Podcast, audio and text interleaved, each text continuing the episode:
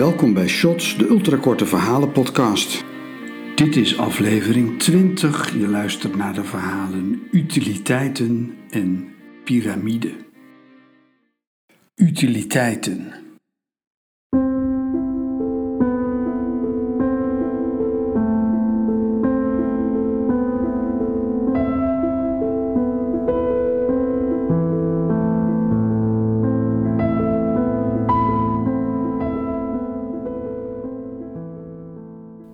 Vandaag zal ik de draagbare versie van de machinatie testen.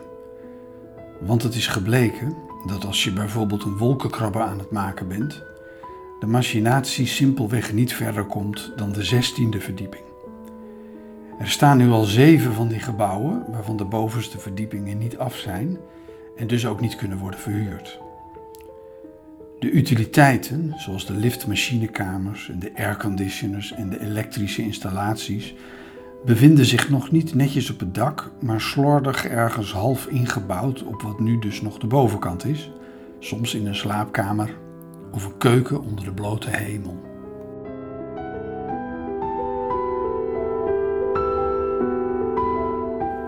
Ik ga dus de eerste onafgebouwde wolkenkrabber in met de draagbare machinatie aan een riem over mijn schouder. Ik heb boterhammen bij me want het kan even gaan duren omdat ik tussendoor steeds de batterij zal moeten opladen.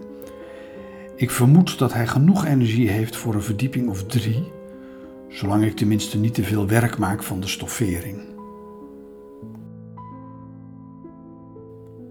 Langzamerhand wordt me duidelijk dat de draagbare machinatie niet naar behoren werkt. Want als ik staand op de open zestiende verdieping aan de knoppen draai, ten einde de muren en de trappen en de liftschachten naar boven op te rekken, om er daarna een plafond op te regelen, duikt er ineens een man op van achter een wand, schreeuwend omdat er uit zijn dijbeen een muurtje van beton is begonnen te groeien. Dwars door een scheur in zijn dakloze outfit, die toch al in rafels langs zijn magere lijf hangt. Uit zijn hoofd groeit ook iets, een smalle rechthoek met op het uiteinde zijn rechteroog, inclusief wimpers en wenkbrauwen. Het groeit in een vrij hoog tempo, wel een meter voor hem uit.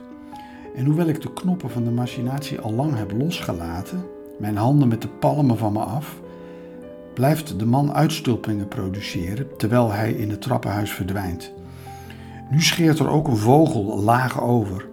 Haar veren groeien razendsnel uit, horizontale scheuten van meters lang dubbel glas, terwijl ze intussen van kleur verschieten met een ongekende felheid, zodat het lijkt of de vogel aan het ontpoppen is tot een reuzenvlinder. Een ogenblik hangt het dier vrijwel stil in de lucht boven de zestiende verdieping, waar nu ook het beton begint te morrelen en stulpen en stuiptrekkend in beweging komt.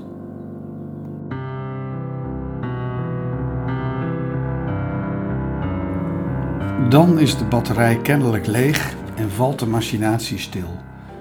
Gelukkig, want meer van dit soort bouwsels en groeisels wordt me te gevaarlijk.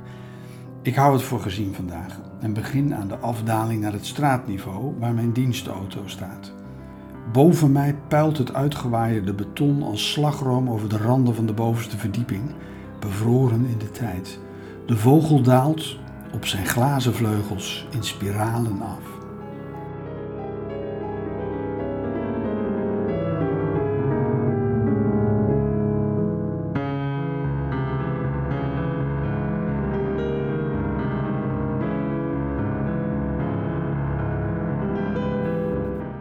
Piramide.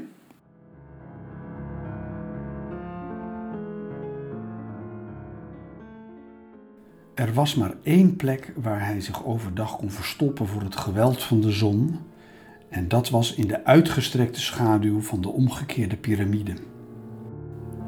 S'nachts, als er alleen sterren waren, dolde hij over de verlaten zandvlakte op zoek naar een teken van leven, sporen in het zand, een stad in de verte maar slechts één keer tijdens zijn langste nachtelijke tocht was hij gestuurd op iets anders dan zand, een oceaan.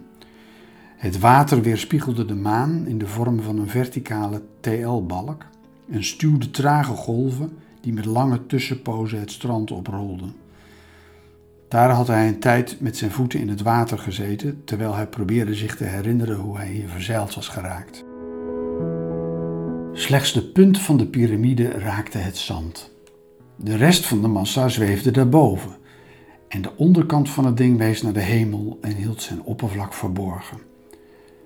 Af en toe liet een van de stenen kubussen waaruit de piramide was gebouwd los en keilde omlaag. Het was dus zaak overdag weliswaar in de schaduw van het ondersteboven gekeerde bouwwerk te verblijven, maar nimmer er recht onder. Na een paar dagen begonnen zijn water en eten op te raken, maar de zon bleef te heet om overdag doorheen te lopen. Elke poging dit toch te doen leverde hem pijnlijke blaren op en urenlang stekende ogen. Net toen hij had besloten dat op pad gaan bij zonsondergang en met zijn laatste water en eten zijn enige hoop was om dit te overleven, hoe risicovol ook, net op dat moment schrok hij op uit zijn overpeinzingen en zag hij op enige tientallen meters in de brandende zon een kameel staan. Op het dier zat een gestalte, volledig gehuld in donkere gewaden. Er verscheen een vrouwenhand van onder de gewaden die sierlijk gebaarde, rinkelend van het zilver. Het gebaar dat ze maakte betekende duw. Daarna gaf ze de kameel enige kniestoten, waarop het dier in beweging kwam en wegliep.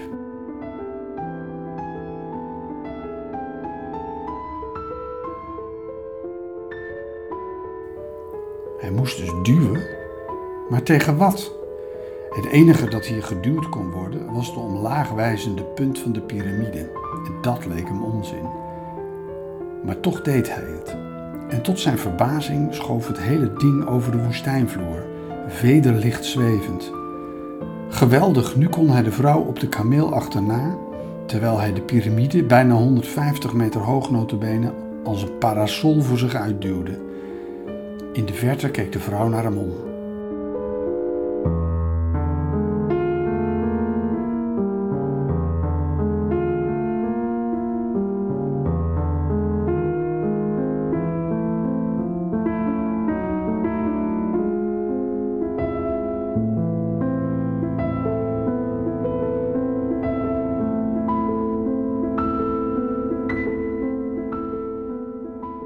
Deze verhalen werden geschreven en verteld door M.H. Vesseur. De muziek, de etude voor piano, opus 39 nummer 2 in A mineur van Sergei Rachmaninov, werd speciaal voor deze podcastserie gespeeld en geproduceerd door Jeroen van Veen.